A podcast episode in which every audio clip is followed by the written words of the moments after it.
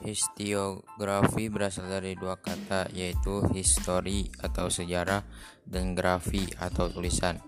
Jadi historiografi adalah tulisan sejarah baik bersifat ilmiah atau problem oriented maupun tidak bersifat ilmiah atau no problem oriented.